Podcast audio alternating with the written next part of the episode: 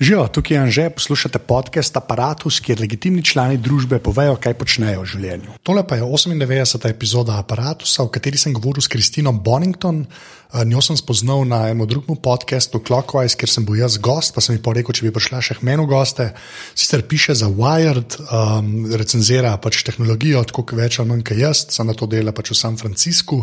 Tako da sem malo pogovarjal o tem, kako je pisati, se ja pa nisem mogla mem tega Apple-ga inventa, na katerem so predstavili uro.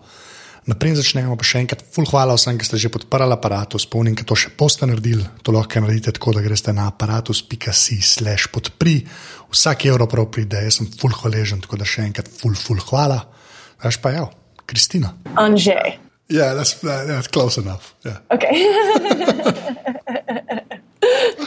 okay.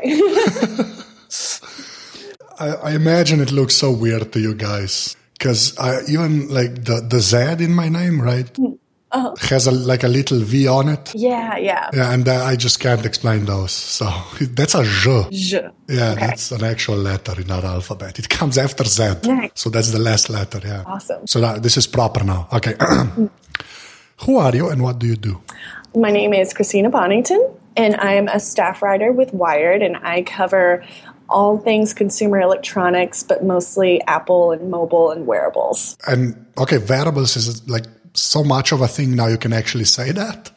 Like, you know, I think so. I mean, considering you know, you know, Apple has the Apple Watch now. Um, uh, Google has Android Wear, and you know, there's you know, a hundred other other activity activity trackers and smartwatches. You know, I feel like it's its own category now.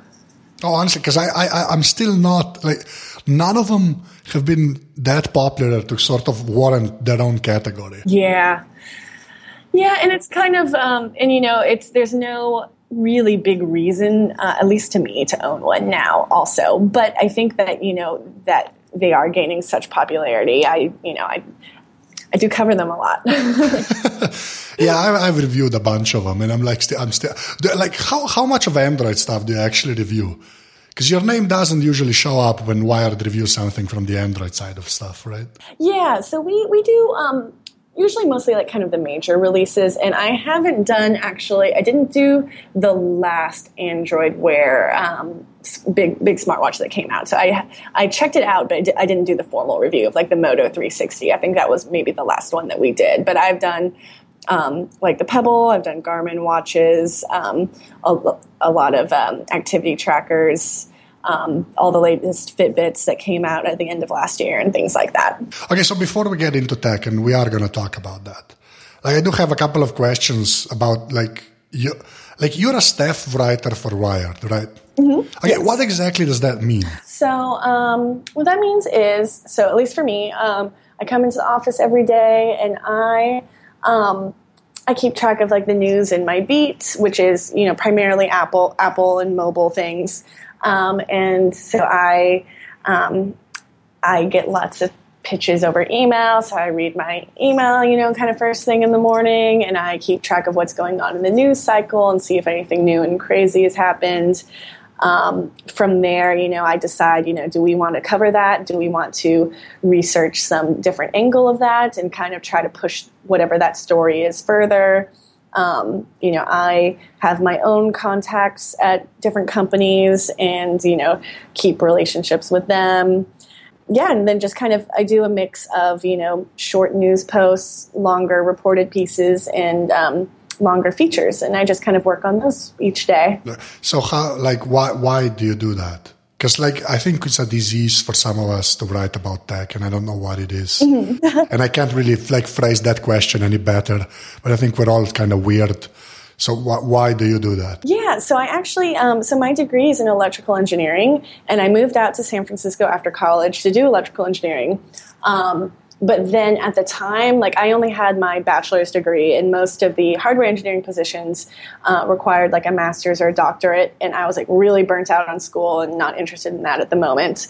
Um, but I had really liked journalism in um, in junior high and high school, and so I was like, well, maybe I can write about technology and um, Gizmodo had an opening for interns, and so I applied and I got that. And then um, and so I, I, I, enjoyed that. And then from there, that transitioned into uh, a position at Wired.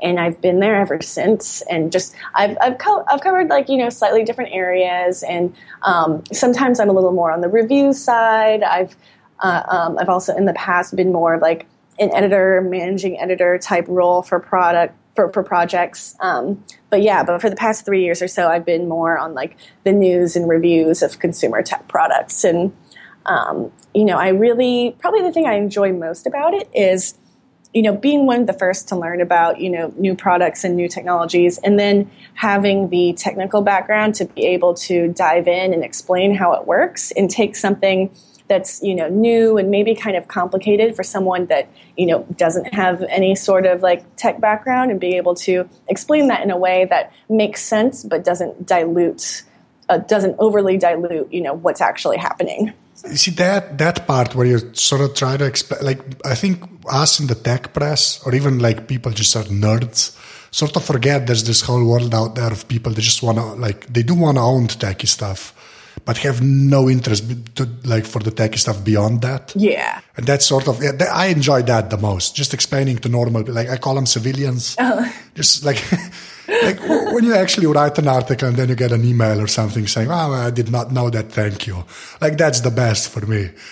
But yeah, so you actually have a degree in electrical engineering. That is sort of awesome. So you're not like one of us quacks, you know, because I have a political science degree and I write about tech, which apparently somehow makes sense. But yeah, so so uh, why electrical engineering? So um, so my background is actually kind of crazy, and um, so before I went to college, um, I was a professional ballet dancer. what? and so so I was doing ballet, and um, the economy that was around um, 2006, 2000, 2007, and um, the economy just wasn't, you know, treating the ballet world super great at that time. So I was like, okay, like I'm I'm going to go to school and I kind of want to major in something the opposite of ballet and I wanted I wanted a, a mental challenge. And a bunch of my friends from high school were like, "Oh, you should do engineering." And I was like, I, I don't even really understand what engineering is, but I see there's like different types. Like, what type should I do? They're like, "Oh, you should do electrical engineering because there's not many girls in electrical engineering." And it's a lot of math and you like math. And i was like okay well that sounds good. So i did electrical engineering and um, yeah it was it was fun. And like um, you know i got to towards the end of, of my college experience got to work on some robotic stuff. Um, autonomous solar powered robot was my um, senior design project and so that was really cool. Um, it's now been so long. I think I've forgotten almost everything from school, but you know, I still get to list electrical engineering on my resume, so that's nice. yeah, but that, that's quite a journey there, like from ballet to electrical engineering and now journalism. That's like, yeah, you've pretty much done it all at this point. So, yeah. Okay, so when you moved to to Wired, right? Um, I do want, like, I have this thing because I also I write for a print magazine, and then there's this online thing, and like, how do you reconcile that? Because I, I know Wired seems to be doing okay with all of that, you know, with the whole transition to the web and still putting out a magazine. But like when Macworld folded, I just that just like I I was in shock for a couple of days. So I know how do you see that whole thing happening there? Yeah, yeah. So um, so we've you know Wired has had a, an online and a um, and a print presence for um, over 20 years now, and um, you know one thing I think that they've they've worked really hard on is trying to marry those two sides and not and and realize that um, you can make a better print product and a better web product or web and mobile nowadays. If you are, you know, using all of your resources together and using all of your brain power to come up with ideas and um, and projects that have kind of like different aspects on different platforms. So, you know, a piece that first publishes in the magazine and then when it comes to the web it has like a bunch of cool interactive elements or maybe a piece that first published on the web and then you turn that into a you you start investigating that more and turn it into you know a feature story for the magazine three or four months down the line. Um, and so i think they've done a really good job at kind of you know ident- identifying where they can take advantage of that. Um, and then you know, I, am you know, I'm not sure. I'm not exactly sure why I feel like we've we've been able to do better than some of the other print publications out there. Um, you know, I don't know if it's just you know who the, the fan base, who the reader base is, and they, they they're still interested in getting their, their print edition of Wired in the mail each month. Um, one take that um, our old editor in chief Chris Anderson had for the for the um, the future of print media was he kind of thought that as more people switch to mobile, the print experience it's going to be a little bit more of like a luxury, and so maybe the maybe the subs- subscription cost is a little bit more expensive, but the the paper quality is better. The just the print experience is like just a little bit you know better and better quality. So it's like you get this experience, you know, each month um, in the mail, and, and it's like you know tactile and and you know different from what you would get on mobile or the web. And so that's kind of one interesting take. Um, I'm not really sure, you know, maybe one day, you know, everything's going to be um, on digital, but you know, I feel like at least for now, there's definitely people that are still interested in getting that that physical publication in the mail each month. I'll, I'll agree with that because it's the same over here. But like, where do you like see it going? Because I, I, I, I, that's the thing. I like this is basically the whole conceit behind talking to you guys, right? Anybody in journalism from America, because like, I, like I explained to Dan Moren a couple of like months back, like I figure you guys are ahead of us, right? Mm-hmm. And like I just want to learn as much as I can from you guys, so maybe I don't make the same missteps sometimes. so seriously, that's that's the selfish part. But I'm fascinated by the fact that over there it's like like places like Wired still seem to be doing fine. They're just like fine, and that boggles my mind sometimes. And like, where do you see it go? Like when you said, you know, maybe it'll be in all digital at some point, but like, could, could, you put a number on that? Like, like a ballpark. Like, I, I don't want a definitive answer because that's douchey, but like, just. You know. um. Yeah. So I think let's see. So I don't know. Like it's so interesting. I guess this is a slight tangent, but I think it's so interesting how you see those videos of like small children, toddlers, yes. and stuff, and they they grow up using they grow up they they've been their parents have an iPhone and an iPad, so they're used to the touchscreen, and then their parents send a magazine in front of them, and they're swiping and they're tapping, and they're like, "This is broken. It's not doing anything." And so I feel like when like maybe that's like when those kids that have grown up completely like just everything everything is on a touch screen. Everything is digital. Um, you know maybe t- 10 to 20 years. That's that's a pretty wide ballpark. But you know when those kids grow up and are um, and they're making you know purchasing decisions and uh, deciding you know what publications they read each day and stuff i think um, they probably will not value that that print experience as much as their parents and grandparents did. Yeah, I, I'd actually agree with that because I just saw like a video, uh, like one of my co-hosts here in Slovenia here sent me a video of his son who's two years old playing Monument Valley, mm-hmm. and that just blew my mind that like a two-year-old could actually do anything in Monument Valley.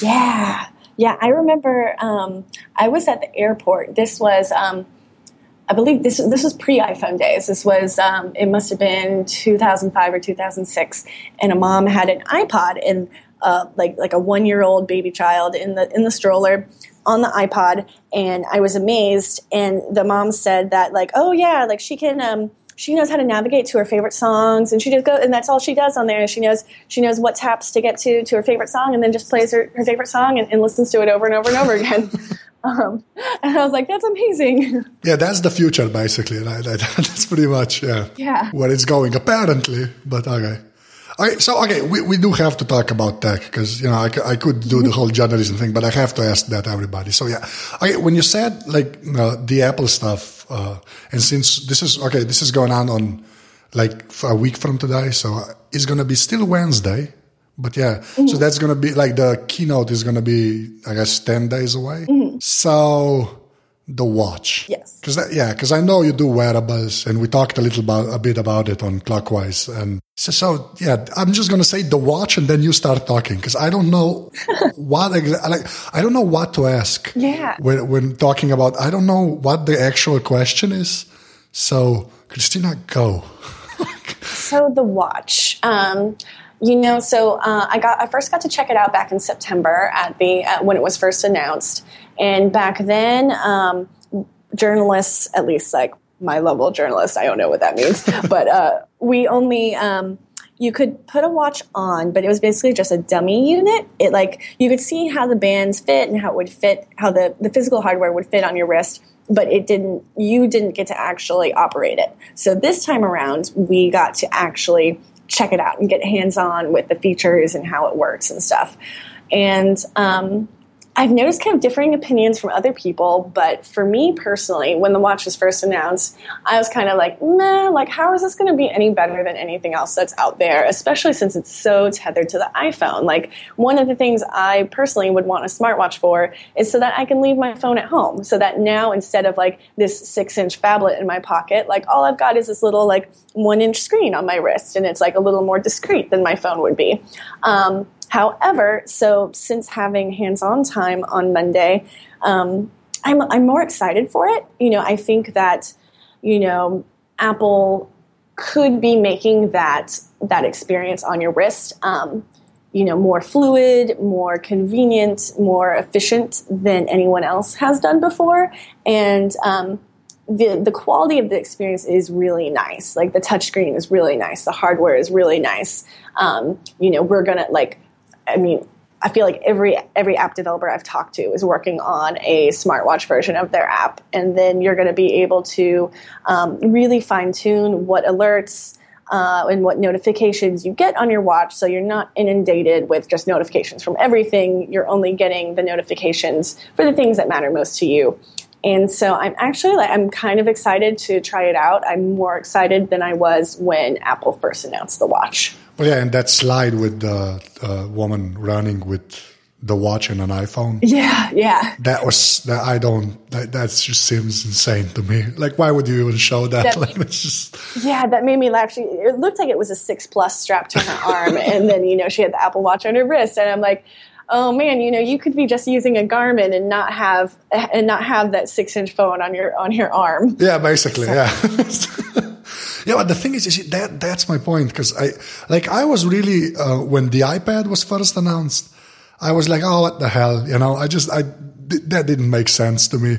And then it sort of started to make sense, and now I sort of get it, right? Like the whole tablet thing mm. is like a thing now, and it's fine. Mm. And like I, when I see the watch, I have that same reaction that I did with the iPad. So that's that's why I'm more cautious this time around. I just don't want to be. Yeah. But that, yeah, I actually um, when when the iPad was announced, I was like, oh, like what what, what will I ever need this thing exactly. for? And I actually went out and bought a, a netbook like a month later. It was like netbooks are the future, and now I've got that thing gathering dust in a closet somewhere. Meanwhile, I've got like two iPads.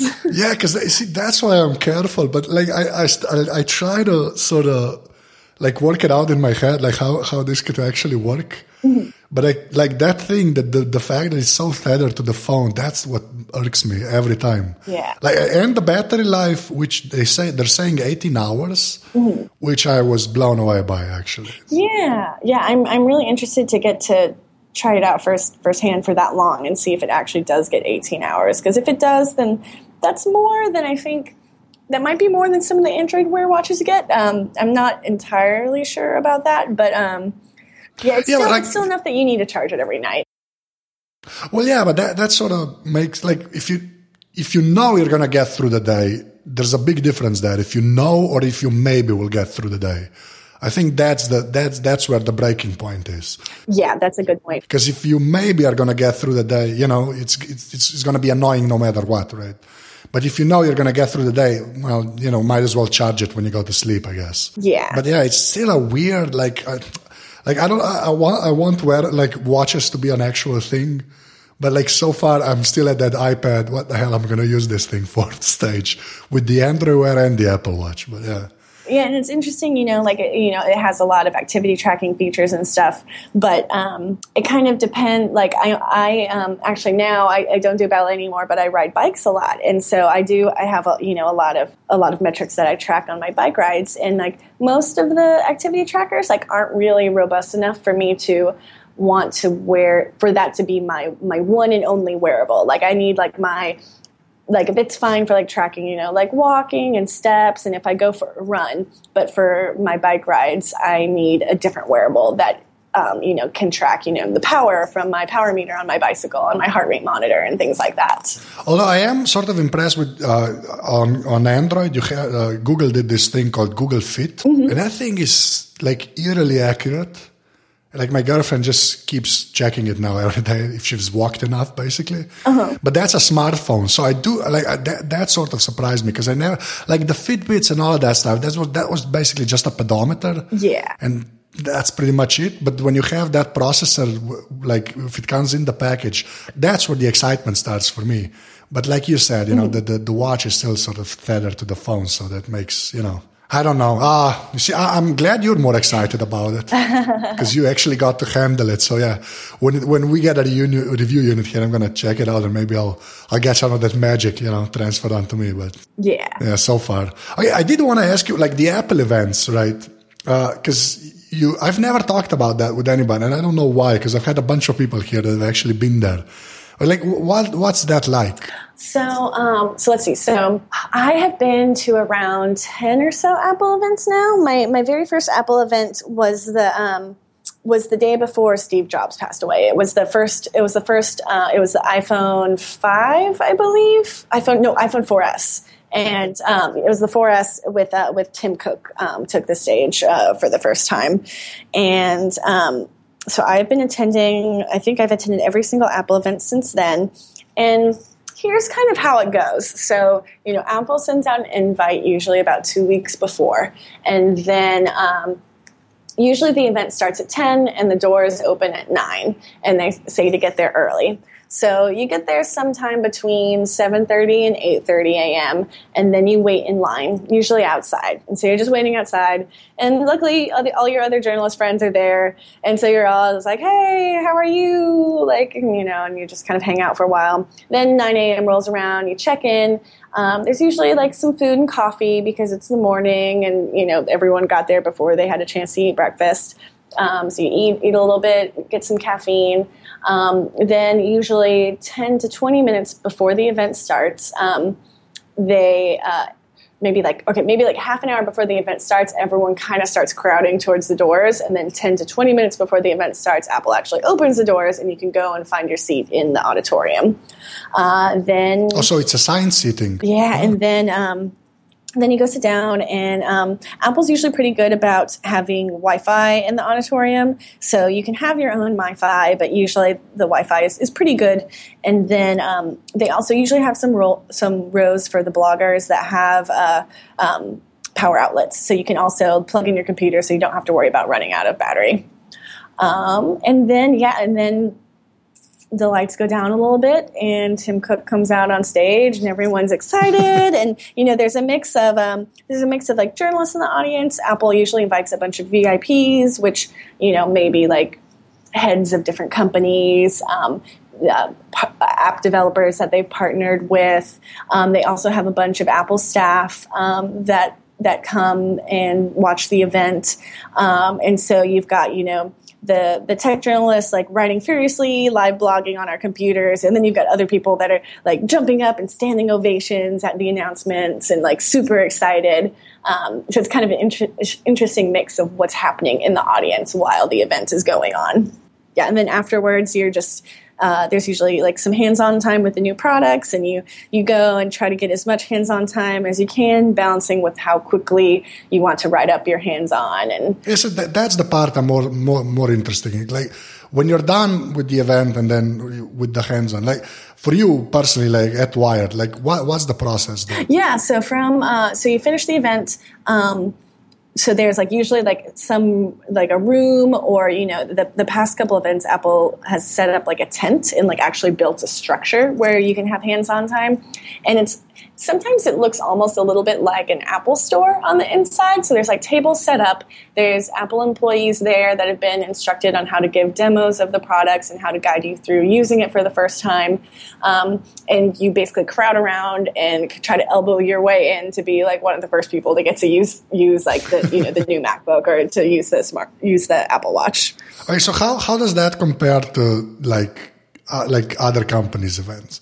Because I do know they have this spiel now, like Apple, like, like they're pretty much predictable. Mm-hmm. But like if there's a like you have been to other like major product announcement, I imagine, right? Yeah, yeah. So um, so one thing that Apple usually does pretty well with its with the presentation itself is the pacing, and so they have a mix of like announcements and demos and videos that for those of us that are live blogging, it offers you um, little breaks, little chances to catch up and make sure that um, everything you've been writing is correct. Um, uh, like chances. Oh, you think they actually go into that much detail to sort of, you know, to like the pacing accounts for it, or is that like a happy coincidence? I don't. I'm, I'm sure that they don't do that specifically for us, but it does work in our favor. And like, so some of the I've been to like um, I don't know if I went, I can't remember if I went to last year's Google I.O. or not, but I've been to a couple Google I.O.s, and sometimes, man, those events are just jam packed with information, just bam, bam, bam, constantly. And it's like, and you're just like typing furiously, and then it goes on for three hours. And by the end, I'm like, oh my gosh, like I need like a hand massage. yeah, well, the, the, Google ones are sort of weird because every time I watch the stream, yeah, it gets like really, like, it's, it's it's very googly. It's at some point it's sort of for programmers and engineers. Yeah, yeah. like it has nothing to do with the press at some point. At least that's how I see yeah. it. Like I think like the first hour is always great and then it sort of gets murky. I think after that. Yeah, definitely. Okay, so I do want to uh, ask you about something else about your writing, since you know, we, like when you do events, that's sort of a set kind of thing. You know, you go there, you live blog, and then you do the whole coverage thing. But when you said you do the the daily news stuff, mm-hmm. like how, like how does that? I don't. What's that process like? Yeah. So um, so let's see. So like I, I walk in this morning, um, either usually like on my way to work. Um, on my commute, I'll like kind of check websites like Techmeme, and I'll check Twitter, and I'll check the the Wired homepage um, and maybe a couple other websites, and uh, just can see what, what's going on in the world today. You know, what's what's new, um, and I'll just kind of catch up there. You know, read a couple stories. Um, and then once I get in, you know, I start um, I start working on different things. So I may have I may have a piece that you know I've already been working on, so I may finish that up, or I may see something in the news that morning that I'm like, oh, we should we should cover this, and you know, um, here's how we should cover this, and so I talk to my editors and we kind of figure out how how we want to cover that piece of news, and then you know I set about writing that, and then um, we either publish it later that day or the next day. Um, what else? Yeah, and then yeah, and then um, you know, I may be working on a story on a piece of news that you know a company is announcing, you know, in um, you know a couple days or a week's time, and that information it's called embargoed. So there's like an embargo. There's like yeah. a time when everyone is supposed to publish their piece, and so. Uh, yeah, so I may be working on a couple like embargoed pieces that are further down the line, um, and then I, I I'm often reviewing things too. So usually, like in the afternoons, I'll t- I'll spend some time, you know, writing um, either reviewing products, writing the review, or working on um, a longer feature story that may require more research, reaching out to contacts for quotes. Um, you know, doing a little deeper digging. So this is like a simple question, but I like anybody that writes sort of hates it, but I'm going to ask it anyway. like, do, do you actually like writing? the writing part. I'm not talking about the journalism part, the researching, the quotes and stuff, but the actual, you know, yeah. sitting down and writing. I, I do like writing. I think um, the most, you know, it's definitely frustrating sometimes, but the most, uh, you know, I love the feeling when, you know, I've been sitting down and working on something and all of a sudden this piece that I was banging my head against and all I had was like a hundred words, like two paragraphs. And now all of a sudden I look down and it's like, a really robust 2000 word review and i'm like holy crap like where did that come from like i just did that and then you know it's also cool uh, i guess maybe this isn't quite you know writing so much but every like I've written so many things that I have a little bit of amnesia sometimes about what I've written, and I'll go back. I'll like Google a topic, you know, to to find like a story that Wired has covered before to link back to for background on a piece, and I'll like read something. I'll be like, oh, this is like a good piece. And then I'll be like, oh, I wrote this. That's awesome. yeah, yeah, that ha- that has happened to me too a couple of times, and it's it's weird. yeah, yeah, it kind of it's like talking to yourself from the past. Then when you realize it, and it's it's yeah, it's odd to say the least. Yeah, and I've definitely had the opposite too, where I'm like, this this this piece is a piece of crap, and I'm like, oh, I wrote it. oh yeah, well that that's a given. Yeah, that's I think yeah. no, but okay, because you see, the, the thing is, I, I'm sort of the same way. Like the best part is when it's done. That's how I like to say it. Like when it's done, that's the best part. Yeah. The actual process is something so infuriating. It's and especially in tech. I don't know why, but like I also write a little for a political magazine. And it's so much easier there for me somehow. I don't know why, but like when I review stuff, that's the worst because you like w- Oh. when you can't get an angle or whatever. It's just all, like I like it when stuff sucks. When I just have crappy gadgets to review, that's that's my favorite. yeah, I think it's sort of not just not just writing the crappy stuff. But it's uh, it's easier for me somehow. Maybe I'm a bad person, but that, that's to be. Yeah, no, I think sometimes that it, it's easier to write, you know, more with with more color when when the product like isn't isn't great because when it is good, like you, you just kind of you know run out of synonyms for like shiny and like nice and like this works well like this has a clean interface. It's like how many different ways can i say that? But you know if something's like kind of awful like there's there's you know there's a, a lot of ways you can say that and a, a lot of times for reviews sometimes i'll i'll have a beer first before i start writing you know if i'm, I'm working on after work because i feel like that kind of helps um, the colorful language flow as well and then i go back and i edit it the next day and make sure you know all the grammar and spelling is correct and stuff Well, yeah, you have to say you ha- you edited the next day. That's that's like a disclaimer now. But yeah, okay, I'll, Yeah. okay, okay, you edited the next day.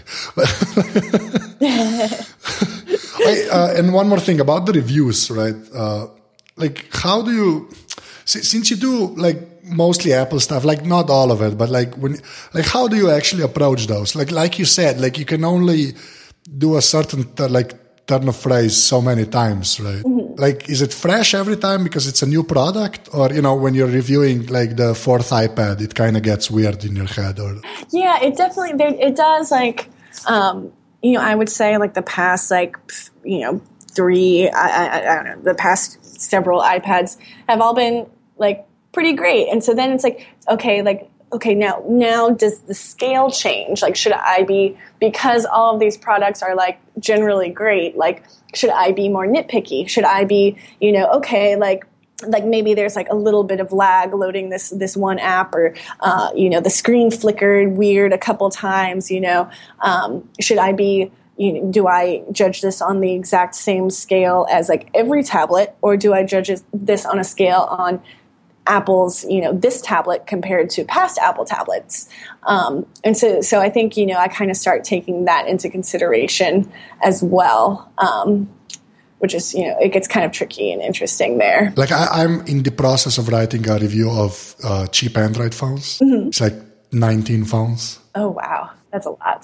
that cost under under 300 euros, and it's Mm-hmm. surprisingly easy to write because, like I said, it's not many of them are good.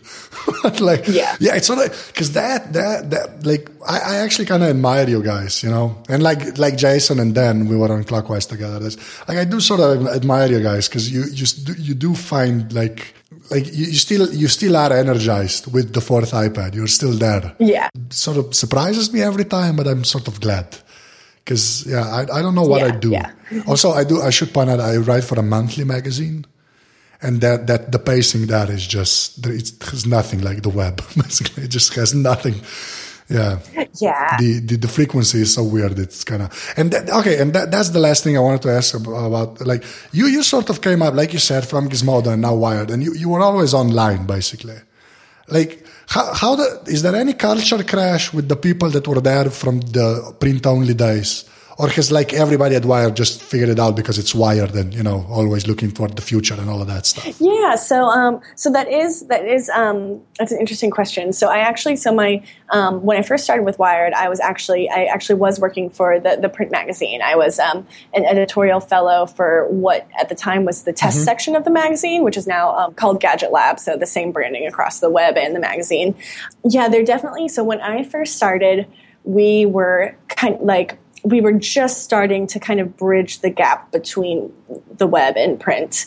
And um, coming from Gizmodo, I ended up in my internship for the magazine. I was also writing a lot for Gadget Lab Online. And so I was kind of one of the first interns to start doing that. And then, um, and then shortly after um, the that section of the magazine and Gadget Lab on the web really started working together because there had been problems where, um, you know, maybe one editor would call in a product to review, and then the other one would try to call it in, and the company would be like, "Wait, you already have a review unit," and they're like, "No, we don't," and they're like, "Oh, like the web has it, or oh, the print has it," um, and so it was just like complicated. So that was like the first section that got integrated, and then. Um, yeah, and then just slowly over time, you know, we've kind of um, you know melded the you know the sections together so there's a lot more um, a lot more unity. People know people know each other across um, the web and print side. We you know we sit all together and stuff. So um, that division that used to be there i think it was probably more pronounced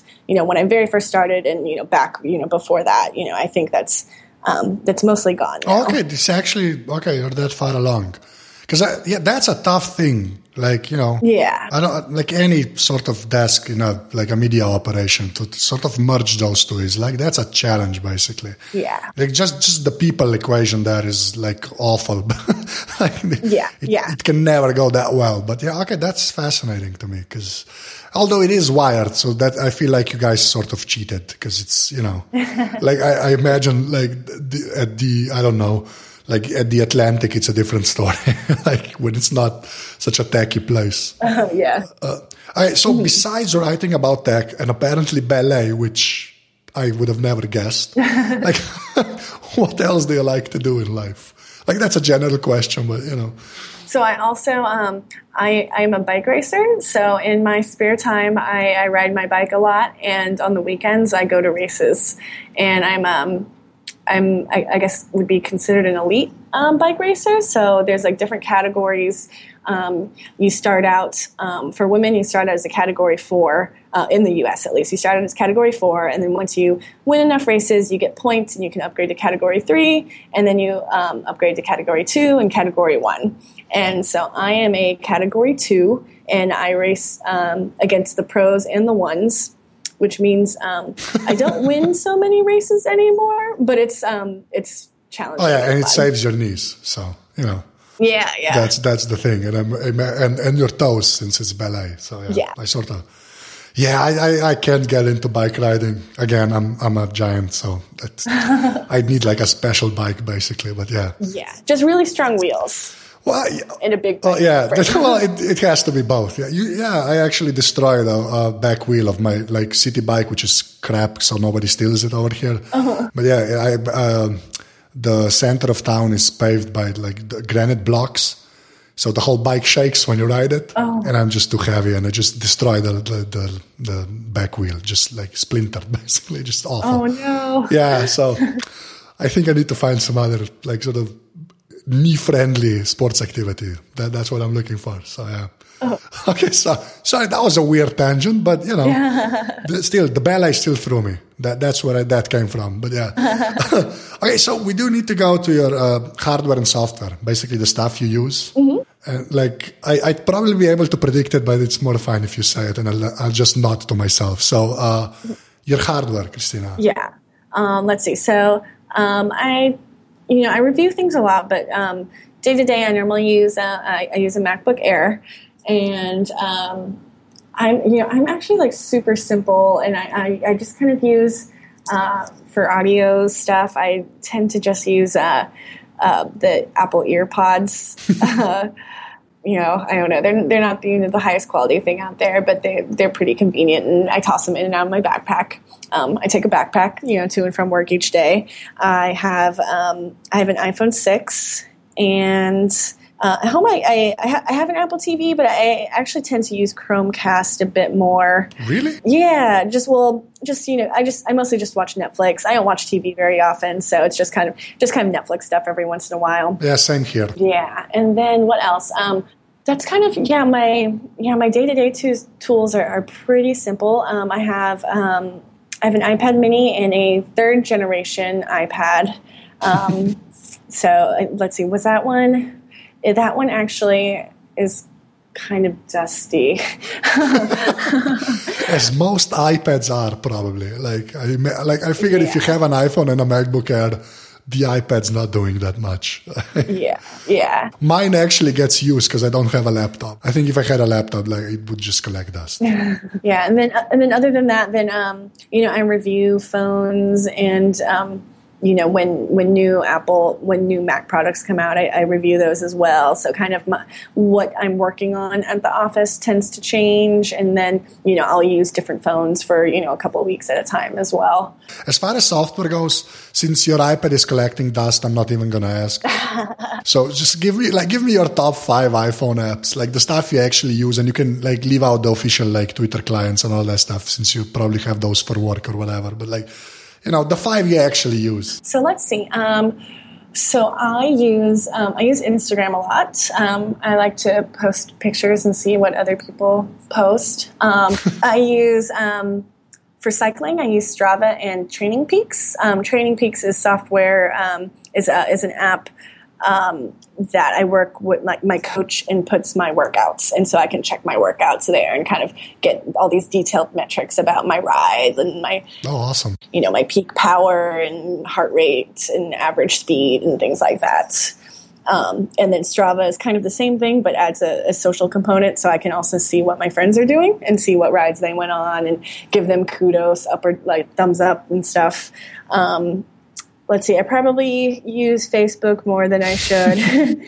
and then um, I, I, use Apple's um, health app for tracking my weight mostly. And then, um, um, kind of interesting, I use the Fitbit app all the time, but pretty much only exclusively for one feature, and that's tracking my, my water, uh, how much water I oh, drink. Okay just to make sure because i what i do in the mornings is i, I drink um, my caffeine which is usually tea. And so i drink tea in the mornings and in the afternoons i drink water. And so i just um, you know track my, my cups or bottles of water that i've drank each day. Um, whether or not i actually have a fitbit that i'm using. I just keep using the app because I, I like the way i like the interface of the of the um, liquid consumption tracking that it has. That's like a yeah that's a niche product right there. Like just yeah Okay, awesome. And then my last question, which is always the same. If you had to pick one thing, like a physical thing, it can be your grandmother. Uh, that you felt you feel like it was made for you. You might still have it, you might not, but like, what would that one thing be? So I would right now. I guess I would go with. Um, I feel like that's probably changed over the years, but right now I would go with um, my road bike, which is a 2013 um, Specialized Amira Expert. And um, I had, before that, I had a um, a 2009 Trek um, Women Specific Edition road bike, and um, that's kind of what I started getting into into road biking on. And then and then I started on the Amira, and as soon as I got on it, it just like fit my body so well. All of a sudden, I could uh, take turns going downhill like so much faster than I could before because my weight was like evenly was was properly distributed on it. It just like it just it just fit me very well and it's my it's my trusty bike and you know when I have a couple I have a couple other bikes I have a you know a cyclocross bike and um, a time trial bike and just when I get back on that bike you know after especially like maybe after like a couple days off or something I just like sigh and it just like it just feels like home sometimes you know and i'll just you know yeah. Oh, that's a proper so, answer. my bicycle. Yeah, that's a proper answer. And the second bicycle i had on stormy immortal. Yeah the first one was john siracusa but that was like a bmx bike like the mongoose the california mongoose. That was the that was the answer. So you and you and siracusa bikes apparently. Oh funny. Yeah. Uh christina that, that's pretty much it like, thank you very much for doing this. Yeah, thank you so much for having uh, me. This, this, is it. This is just say bye or something. I don't know how, how to end this, these things. Like so. bye. Tole je bila 98. epizoda aparata. Kristino najdete na Twitterju pod Afna Red Girl Says, jaz sem na Twitterju Afna Anzet, tako da mi lahko tam težite. Sicer pa še enkrat, full hvala sem, ker ste že podprli aparatus, ker res pa dobim še nov zagon, da tole delam, pa full, full vse je lažje. Tako da še enkrat, full hvala in pa hvala, ker ste poslušali. To je da naslednjič to. Čau.